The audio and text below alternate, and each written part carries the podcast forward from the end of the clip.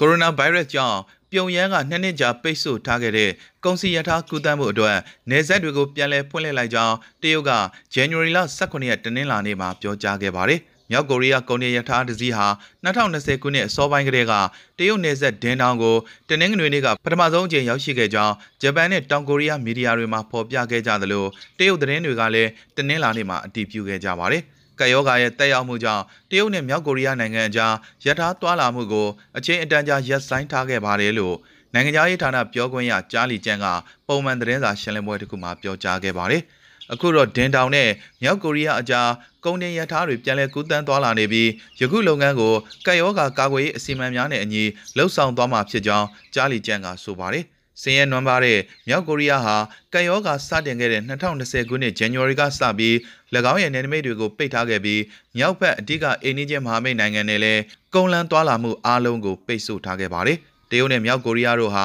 1352ကီလိုမီတာရှည်လျားတဲ့နယ်နိမိတ်ကိုမျှဝေထားကြပြီးမြောက်ကိုရီးယားရဲ့အကောက်ခွန်ရုံးရှိရာစိတ်ကမ်းမြို့ဖြစ်တဲ့ဒင်တောင်ဟာနေဆက်ပိုင်းခြားထားတဲ့ယာလူမြစ်ပေါ်မှာတည်ရှိပါတယ်။ ရင်းနှီးတဲ့စီးပွားရေးမဟာမိတ်ဖြစ်တဲ့တရုတ်နိုင်ငံဟာကမ္ဘာအပေခံနိုင်ငံရဲ့ကုန်သွယ်မှု90ရာခိုင်နှုန်းကျော်ကိုပိုင်ဆိုင်ထားပါတယ်။မြောက်ကိုရီးယားဟာ၎ င်းရဲ့နိုင်ငံတကာကုန်သွယ်မှုအများစုကိုထိခိုက်စေတဲ့ပိတ်ဆို့အရေးယူမှုကိုကာလတာရှည်ခံစားခဲ့ရတာပါ။နိုင်ငံဟာ၎င်းရဲ့နေဆက်တွေမှာဗိုင်းရပ်စ်ရောဂါကူးစက်မှုမရှိကြောင်းအခိုင်အမာဆိုထားပေမဲ့စောင်းရသည့်အတွင်းအစာရေစာပြက်လက်မှုနဲ့၎င်းကိုယ်တိုင်ချမှတ်ထားတဲ့ဗိုင်းရပ်စ်ပိတ်ဆို့ခြင်းတွေကြောင့်စီးပွားရေးကျဆင်းနေကြောင်းသိရှိရပါတယ်။အင်အားကြီးနိုင်ငံတွေအကြားထိတ်တက်ရင်ဆိုင်မှုတွေကကပ်ဘေးဆိုးတွေဖြစ်လာနိုင်တယ်လို့ January လ18ရက်တနင်္လာနေ့ကကျင်းပခဲ့တဲ့ဒါဘိုအွန်လိုင်းညီလာခံအတွင်းကမ္ဘာခေါင်းဆောင်တွေကိုမိန့်ခွန်းပြောကြားရမှာတမတရှီကျင်းဖြင်ကသတိပေးလိုက်ပါတယ်။ El ပိုင်းနိုင်ငံ Swiss မှာနိုင်ငံရေးနဲ့ပူးပေါင်းဆောင်ရွက်ရေးကြိုးစားခဲ့ကြတဲ့အင်အားကြီးနိုင်ငံတွေရဲ့ဒုတိယအကြိမ်မြောက်မျက်နှာချင်းဆိုင်တွေ့ဆုံမှုဟာကိုရိုနာဗိုင်းရပ်စ်ကြောင့် အွန်လိုင်းတွေ့ဆုံမှုဖြစ်ခဲ့ရပါတယ်။ရှီကျင်းပင်ဟာယမန်နှစ်ကသူပြောခဲ့တဲ့မိန့်ခွန်းများအတိုင်းဆောင်ရွက်မဲ့လုပ်ငန်းစဉ်တွေကိုဖွင့်ချပြသခဲ့ပါတယ်။ရှီကျင်းပင်ကကိုရိုနာဗိုင်းရပ်စ်စတင်ပေါက်ဖွားရာတရုတ်နိုင်ငံကိုထူးထူးခြားခြားကူးစက်ရောဂါအပေါ်အောင်နိုင်ခဲ့တဲ့သူရဲကောင်းနိုင်ငံအဖြစ်နဲ့ခိုင်မာတဲ့တိုးတက်မှုတွေကိုအရှိန်အဟုန်မပြတ်ဆက်လက်လှုပ်ဆောင်နိုင်ခဲ့တဲ့တခုတည်းသောအဓိကစီးပွားရေးအဖြစ်ကြွေးကြော်ခဲ့ပါတယ်။ နိုင်ငံစုံဝါဒကိုခုခံကာကွယ်သူအဖြစ်သူ့ကိုယ်သူတင်ပြခဲ့ပြီးအင်အားကြီးနိုင်ငံများအကြားဆက်ဆံရေးကျဆင်းနေချိန်မှာအနာဂတ်အတွက်တတိကြီးကြီးထားရှောက်လန်းကြဖို့တတိပေးမှုတွေကိုပြုလုပ်ခဲ့ပါတယ်။ဒီကနေ့ကမ္ဘာအခြေအနေဟာမုန်းတီးမှုနဲ့မလွန်မုန်းတားမှုတွေကိုလှုံ့ဆော်ပေးနေပြီးအများရှိအလှသုံးစကားတွေဖြစ်တဲ့ငြိမ်းချမ်းရေးဆိုတဲ့အသုံးအနှုန်းနဲ့ဝေးကွာနေတယ်လို့အွန်လိုင်းကထုတ်လွှင့်ခဲ့တဲ့တရားဝင်ဘာသာပြန်ဆိုမှုတစ်ခုအရပြောကြားခဲ့ကြောင်းသိရှိရပါတယ်။ထိတ်တိုက်ရင်ဆိုင်မှုတွေက ပြဿနာတွေကိုမဖြေရှင်းနိုင်ပဲကပ်ဘေးဆိုးတွေကိုသာဖိတ်ခေါ်သလိုဖြစ်ခဲ့တယ်ဆိုတာကိုတမိုင်းကအကြိမ်ကြိမ်သက်သေပြခဲ့တယ်လို့တမ္ပတရှီကျင်းဖြင်ကပြောကြားခဲ့ပါတယ်။အနောက်ဘက်ကသိမ့်ပိုက်ခံတင်မြေအတွင်းကနောက်ဆုံးမကျင်သက်မှုများအတွင်းအစ္စရေးတပ်ဖွဲ့ဝင်တဦးကိုဓာတ်နဲ့ထိုးဖို့ကြိုးပမ်းခဲ့တဲ့ပါလက်စတိုင်းအမျိုးသားတဦးကို January 18ရက်တနင်္လာနေ့ကပြစ်တက်ခဲ့ကြောင်းအစ္စရေးစစ်တပ်ကပြောကြားခဲ့ပါတယ်။အနောက်ဘက်ကရှိဂျူးအခြေချနေထိုင်ရာနေရာတစ်ခုဖြစ်တဲ့ Gash Ezion လမ်းစုံကိုကားတစ်စီးနဲ့ရောက်ရှိလာပြီးတိုက်ခတ်ခဲ့တာဖြစ်ကြောင်း Israel စစ်တပ်ရဲ့ထုတ်ပြန်ချက်မှာဖော်ပြထားပါတယ်။ဓားကင်ထားတဲ့တိုက်ခိုက်သူဟာကားပေါ်ကဆင်းလာပြီး Israel စစ်သားတို့ကိုဓားနဲ့ထိုးဖို့ကြိုးပမ်းခဲ့ပါတယ်။စစ်သားကတိုက်ခိုက်သူဘက်ကိုချိန်ရွယ်ပစ်ခတ်ခဲ့ပြီးမိမိကိုယ်ကိုခုခံကာကွယ်ခဲ့တယ်လို့စစ်တပ်ရဲ့ထုတ်ပြန်ချက်မှာဖော်ပြထားပါတယ်။စစ်ဖက်ပြောခွင့်ရသူကလည်းလုံခြံမှုတန်တရားတရားခံပြစ်တက်ခံခဲ့ရကြောင်း AFP ကိုပြောကြားခဲ့ပါတယ်။ ပါလက်စတိုင်းကျမ်းမာရေးဝန်ကြီးဌာနကအသက်ခံရသူမှာဟေဘရွန်တောင်ပိုင်းမှာနေထိုင်သူဖာလက်ရှ်မူဆာဂျာယာဒက်ဖြစ်တယ်လို့ပြောကြားခဲ့ပါတယ်။1962ခုနှစ်6ရက်စစ်ပွဲကလေးကအစ္စရေးစစ်တပ်ကသိမ်းပိုက်ထားတဲ့အနောက်ဘက်ကမ်းရှိပါလက်စတိုင်းတွေဟာအစ္စရေးတပ်ဖွဲ့ဝင်တွေကိုဓာတ်နဲ့တိုက်ခိုက်မှုတွေပြုလုပ်လေ့ရှိပါတယ်။နိုင်ငံတကာဥပဒေအရတရားမဝင်လို့ကျေပြန့်စွာမှတ်ယူထားတဲ့လူအဖွဲ့အစည်းအတွင်းကဂျူးအခြေချနေထိုင်သူ၄သိန်း9000ခွဲနီးပါးဟာထိုချိန်ကစပြီးအဆိုပါနယ်မြေအတွင်းကိုပြောင်းရွှေ့လာခဲ့ပါတယ်။အခြေချနေထိုင်သူတွေနဲ့ပါလက်စတိုင်းတို့အကြားတင်းမာမှုနဲ့အကြမ်းဖက်မှုများဟာ၎င်းတို့ရဲ့ပိုင်တဲ့အဖြစ်ပါလက်စတိုင်းကတောင်းဆိုထားတဲ့အနောက်ဘက်ကမ်းမှာအဖြစ်များပါတယ်။မြောက်ကိုရီးယားဟာစမ်းသက်ဆဲလက်နက်စနစ်ရဲ့တိကျမှုကိုစမ်းသပ်ဖို့အတွက် January လ18ရက်တနင်္လာနေ့ကနီးဗျူဟာမြောက်ပဲထိန်ဒုံးနှစင်းကိုထပ်မံစမ်းသပ်ပစ်လွတ်ခဲ့ကြောင်း အင်္ဂါနေ့ကအတည်ပြုကြောကြားလိုက်ပါတယ်။ယခုလအတွင်းစတုထမြောက်လက်နက်စမ်းသပ်မှုအဖြစ်တာတိုပဲထိန်ဒုံးကြီးတွေပစ်လွတ်မှုဟာအမေရိကန်ရဲ့ဆွေးနွေးမှုတွေကိုလစ်လျူရှုပြီးပြုံရန်က၎င်းရဲ့စစ်ရေးအင်အားကိုပြသလိုက်တာဖြစ်ပါတယ်။နိုင်ငံတကာပိတ်ဆို့အရေးယူမှုတွေပြုလုပ်ခံထားရတဲ့ကြားကမြောက်ကိုရီးယားဟာယခုနှစ်အတွင်းအတန်ထက်မြန်တဲ့ဒုံးကျည်တွေအပါအဝင်လက်နက်စမ်းသပ်မှုအများပြားကိုပြုလုပ်ခဲ့ပြီးခေါင်းဆောင်ကင်ဂျိုအန်က၎င်းရဲ့စစ်တပ်ကိုပုံမှုအားကောင်းစေမဲ့လမ်းကြောင်းကိုရှောက်လန်းနေခဲ့ပါတယ်။ ကိုယ်တိုင်ချမှတ်ထားတဲ့ကိုရိုနာဗိုင်းရပ်စ်ပိတ်ဆို့ခြင်းကြောင့်စီးပွားရေးကျဆင်းနေမှုနဲ့အတူဆင်းရဲနွမ်းပါးသောမြောက်ကိုရီးယားဟာဝါရှင်တန်ရဲ့ဆွေးနွေးပွဲကမ်းလှမ်းမှုများကိုတုံ့ပြန်မှုမပြုဘဲလက်နက်စမ်းသပ်မှုတွေကိုနှစ်ဆတိုးမြင့်ပြီး၎င်းကိုထိန်းထားဖို့ကြိုးပမ်းမှုတွေအတွက်ပုံမခိုင်မာတဲ့တုံ့ပြန်မှုတွေပြသခဲ့ပါတယ်။မြောက်ကိုရီးယားရဲ့တူးရဲသော အဓိကမဟာမိတ်တရုတ်နိုင်ငံဟာလာမယ့်လအတွင်းစောင်းရာသီအိုလံပစ်ပြိုင်ပွဲကိုအင်ရှင်အဖြစ်လက်ခံကျင်းပဖို့စီစဉ်နေသလိုတောင်ကိုရီးယားကလည်းမက်လအတွင်းသမ္မတရွေးကောက်ပွဲအတွက်ပြင်ဆင်နေတဲ့အတွက်ဒေတာရင်းထိလွယ်ရှလွယ်အခြေအနေမှာအခုလိုဒုံးကျည်တွေပြစ်လွတ်နေခဲ့တာဖြစ်ပါတယ်။မြောက်ကိုရီးယားအနောက်ဘက်ခြမ်းကပြစ်လွတ်ခဲ့တဲ့နီးပြူအမြောက်ပဲ့ထိန်ဒုံးကျည်နှစင်းဟာကိုရီးယားကျွန်းဆွယ်ရဲ့အရှိတ်ပင်လယ်ပြင်အတွင်းကပြစ်မှတ်ကိုအတိအကျထိမှန်ခဲ့ကြောင်းနိုင်ငံပိုင်သတင်းဌာန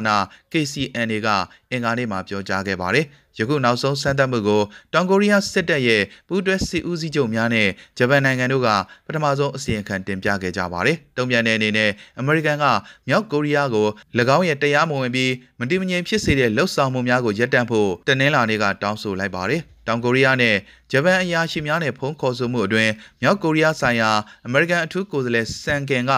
ဒုံးကျည်ပြစ်လွတ်မှုများနဲ့ပတ်သက်ပြီးစိုးရိမ်ကြောင်းထုတ်ဖော်ပြောကြားခဲ့ပြီး ကြိုတင်ကန့်သက်ချက်များမပါဘဲတွစ်ဆုံဆွေးနွေးမှုလမ်းကြောင်းကိုပြန်လည်ဝင်ရောက်ဖို့ပြုံရန်ကိုတိုက်တွန်းခဲ့ကြောင်းနိုင်ငံရေးဝန်ကြီးဌာနကပြောကြားခဲ့ပါတယ်။မာတင်လူသာကင်းနေ့မှာနှစ်စဉ်ကျင်းပမြဲဖြစ်တဲ့ငြိမ်းချမ်းရေးလမ်းလျှောက်ပွဲအတွင်းဝါရှင်တန် DC ရှိအန်နာကော့စတီယာမြစ်ကိုဖျက်ပြီးမဲပေးခွင့်အတွက်ယာနဲ့ချီတဲ့ပြည်သူတွေခြေတက်ဆန္ဒပြခဲ့ကြပါတယ်။ ဒီနေ့ဒီမှာပါဝင်ရက်တည်ရတဲ့အကြောင်းရင်းကနိုင်ငံနဲ့တဝန်းကပြည်내19ခုမှာပြဋ္ဌာန်းခဲ့တဲ့မဲပေးရခက်ခဲစေတဲ့ဥပဒေတွေကိုပြင်ဆင်နိုင်ဖို့အတွက်ဖြစ်ပါတယ်လို့နိုင်ငံသားအခွင့်အရေးဆိုင်ရာအိုက်ကွန်တူဖြစ်သူဖခင်ရဲ့အထိမ့်မဲ့ချီတက်ပွဲကိုဦးဆောင်သူမာတင်လူသာကင်3ကပြောကြားခဲ့ပါတယ်။ American Protestant ခရစ်ယာန်ဘုန်းတော်ကြီးတူဖြစ်တဲ့မာတင်လူသာကင်ကို1929ခုနှစ် January 15ရက်နေ့မှာမွေးဖွားခဲ့ပါတယ်။ နိုင်ငံရေးတက်ကြွလှုပ်ရှားသူတူဖြစ်ပြီးနိုင်ငံသားအခွင့်အရေးတောင်းဆိုလှုပ်ရှားမှုအရေးခင်းတွေမှာထင်ရှားတဲ့ဦးဆောင်သူတူဖြစ်လာခဲ့ပါတယ်။တောင်းဆိုလှုပ်ရှားမှုတွေကိုခရိယန်ဘာသာရေးယုံကြည်မှုနဲ့မဟာဓမ္မဂန္ဒီကြီးရဲ့အကြမ်းမဖက်နီးပြူဟာတွေအပေါ်အခြေခံပြီးပြည်သူတရားလုံးတပိတ်မှောက်ကြဖို့စီယုံလှုပ်ဆော်ခဲ့ရာကနေနိုင်ငံရေးလောကတွေကိုဝင်ရောက်လာခဲ့ပါတယ်။ 1955ခုမောင်ဂိုမာရီဘက်စကားလိုင်းတပိတ်မှမှုကိုဦးဆောင်ခဲ့တယ်လို့1958ခုနှစ်မှာတောင်ပိုင်းခရီးယန်ခိုင်းချုပ်ကြီးများညီလာခံကြီးပေါ်ပေါက်လာအောင်စီယုံလှုပ်ဆော်ခဲ့ပြီးအဲ့ဒီညီလာခံရဲ့ပထမဆုံးတဘာပတိအဖြစ်ဆောင်ရွက်ခဲ့ပါတယ်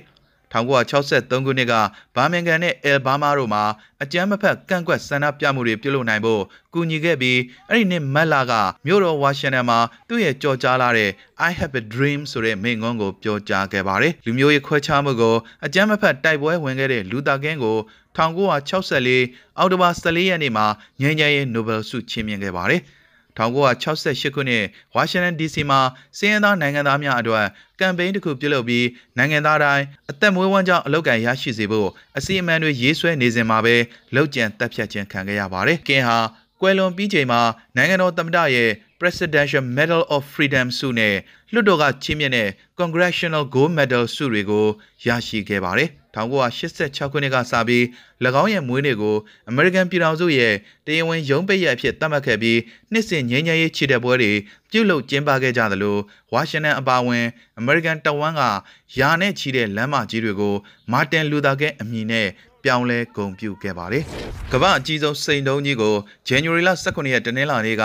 ဒူဘိုင်းပြပွဲအတွင်းပထမအဆုံးအကြိမ်အဖြစ်လူသိရှင်ကြားပြသခဲ့ပြီးဒေါ်လာ9သန်းအထိဈေးပြိုင်ရရှိမယ်လို့ခန့်မှန်းထားကြပါတယ်။ရှားပါအနက်ရောင် ကာဘာနာဒိုစိန်နက်ကြီးကို Enigma လို့အမည်ပေးထားပြီး RS စော်ဘွားများပြည်ထောင်စုဒူဘိုင်းမှာပြသခဲ့ပါတယ်။လွန်ခဲ့တဲ့နှစ်ပေါင်း1.6ဘီလီယံကျော်ကကမ္ဘာမြေကိုအုပ်ကာခဲ့သို့မဟုတ်ဂျိုးသိန်းတစ်ခုကဝင်တိုက်မိချိန်မှာအဆိုပါစိန်နက်တုံးကြီးဖြစ်လာခဲ့တယ်လို့ဆိုတီဗီလေလန်ဌာနရဲ့ကြောင်းမြတ်ကျွမ်းကျင်သူဆိုဖီစတီဗင်ကပြောကြားခဲ့ပါတယ်။ ဖြတ်တောက်သွေးယူဖို့အခက်အခဲဆုံးအရာတွေတဲကတစ်ခုဖြစ်တဲ့955.55ကရက်ရှိတဲ့အဆိုပါစိန်နဲ့ကြီးကိုအမည်မဖော်လိုတဲ့ပိုင်ရှင်ဖြစ်သူကလွန်ခဲ့တဲ့အနှစ်20ကပြသခဲ့မှုပြီးကျွမ်းကျင်ပညာရှင်တွေကမျက်နှာပြင်55ခုရှိတဲ့စိန်တုံးအဖြစ်သွေးယူခဲ့ကြပါတယ်အရှိအလဲပိုင်းရဲ့စွန်ပလွန်ပင်ပုံစံရှိတဲ့စိန်တုံးရဲ့တရံဟာစွမ်းအားနဲ့ကာကွယ်နိုင်မှုဆိုင်ရာတင်ကေတဖြစ်တဲ့နံပါတ်5ကဏ္ဍနဲ့လည်းဆင်တူးနေပါတယ်။ အရန်ကိုခတ်ခဲခဲ့ပါတယ်လို့အကြီးဆုံးသွေးပြီးသားစိန်တုံးအဖြစ် Greenwich စံချိန်တင်နိုင်ခဲ့တဲ့စိန်တုံးကိုသွေးခဲ့သူ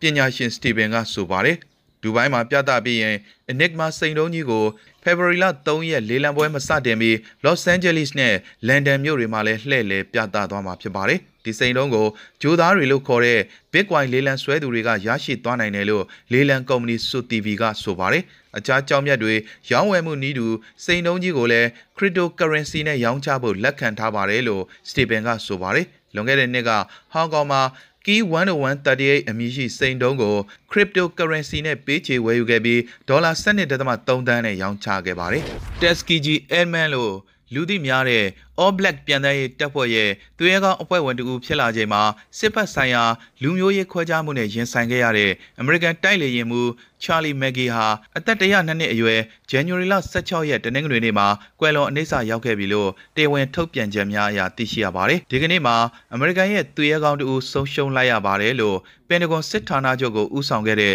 ပထမဆုံး African American တူဖြစ်သူကာကွယ်ရေးဝန်ကြီး Lloyd Austin ကပြောကြားလိုက်ပြီးကြော်ကြားတဲ့စစ်စင်ရေးရဲ့နောက်ဆုံးကြံရည်သူအဖွဲ့ဝင်တွေကတူဖြစ်တဲ့လေရင်မှုအကြောင်းကို၎င်းရဲ့ Twitter ကနေဖွင့်ဟချီးကျူးခဲ့ပါတယ်။သူ့ကိုဆုံးရှုံးလိုက်ရလို့စိတ်မကောင်းဖြစ်မိပေမဲ့သူ့ရဲ့စွန့်လွတ်စွန့်စားမှုပေးဆက်မှုနဲ့ကိုကျင့်သိက္ခာအတွက်ကျွန်တော်မယုံနိုင်လောက်အောင်ကိုကျေးဇူးတင်မိပါတယ်လို့အော်စတင်ကထပ်လောင်းပြောကြားခဲ့ပြီးအေးချမ်းပါစေဗိုလ်ချုပ်လို့နှုတ်ဆက်ဂါရဝပြုခဲ့ပါတယ်။ မက်ဂီဟာဒုတိယကမ္ဘာစစ်အတွင်းတာဝန်ထမ်းဆောင်ခဲ့ပြီးကိုရီးယားနဲ့ဗီယက်နမ်တို့ကပဋိပက္ခတွေအပါအဝင်စုစုပေါင်းမစ်ရှင်400ကျော်ကိုပြန်တန်းခဲ့ပါတယ်။ဒုတိယကမ္ဘာစစ်အတွင်းကအမေရိကန်တပ်များအတွင်းလေ့ကျင့်ရေးနဲ့စစ်ဘက်ဆိုင်ရာခန်းစား권များကိုလူမျိုးအလိုက်ခွဲခြားထားပါတယ်။ 1942ခုနှစ်မှာကွန်ဂရက်လွှတ်တော်မှကြီးတက်တဲ့လေတပ်တွေမှာလူမဲတိုက်ခိုက်ရေး unit တစ်ခုစတင်ဖို့အမိန့်ပေးခဲ့ပြီးလူမဲလေယာဉ်မှုများနဲ့စက်ပြင်တင်တန်းများကိုအလဘားမားနိုင်ငံတက်စကီဂီရှိလေတပ်စခန်းအသစ်မှာစတင်ခဲ့ပါတယ်မက်ဂီကယူနစ်ရဲ့အောင်မြင်မှုများအပေါ်ဂုဏ်ယူကြောင်းနဲ့ဆယ်စုနှစ်များစွာကြာပြီးနောက်အမေရိကန်စစ်တပ်မှအပြည့်အဝပေါင်းစည်းရေးအတွက် လန်ကင်ပေးနိုင်ခဲ့ကြောင်းဆိုပါတယ်။ပြီးခဲ့တဲ့လက၎င်းရဲ့အသက်100နှစ်မြောက်မွေးနေ့အထိမ်းအမှတ်ဖြစ်နိုင်ငံအတွက်တာဝန်ကျေပွန်စွာထမ်းဆောင်ခဲ့မှုတွေအပေါ်ကျေးဇူးတင်ကြောင်းဖုံးဆက်ပြောကြားခဲ့တဲ့အမေရိကန်ဒုသမ္မတကမ်မလာဟဲရစ်ကိုသူဟာမင်္ဂလာဆောင်ပြီးနောက်ရက်မှာစတင်အမှုထမ်းခဲ့တာဖြစ်ကြောင်းပြန်လည်ပြောကြားခဲ့ပါတယ်။မက်ဂီဟာ2009ခုနှစ်မှာနိုင်ငံရဲ့အမြင့်ဆုံးအရသားစုဖြစ်တဲ့ Congressional Gold Medal ဆုကိုဆုချီးမြှင့်ခဲ့တဲ့ UNIT ရဲ့ကြံရည်သူအဖွဲ့ဝင်တွေထဲမှာပါဝင်ခဲ့ပြီးတက်မတော်အတွင်းပြုပြင်ပြောင်းလဲရေးကိုလှုံ့ဆော်ပေးခဲ့တဲ့၎င်းတို့ရဲ့ထူးခြားတဲ့စစ်ရေးမှတ်တမ်းကိုဂုဏ်ပြုခဲ့ပါတယ်။2020ခုနှစ်မှာသမ္မတဒေါ်နယ်ထရန့်ကတိုက်လေရင်မှုတွေအတွက်နိုင်ငံတော်အဆင့်ဂုဏ်ပြုပွဲတက်ရောက်ဖို့မက်ဂီကိုဖိတ်ကြားခဲ့ပါတယ်။ဒီပွဲမှာထရန့်ကမက်ဂီကိုဗိုလ်မှူးချုပ်အဆင့်သို့တိုးမြှင့်ပေးခဲ့ပါတယ်။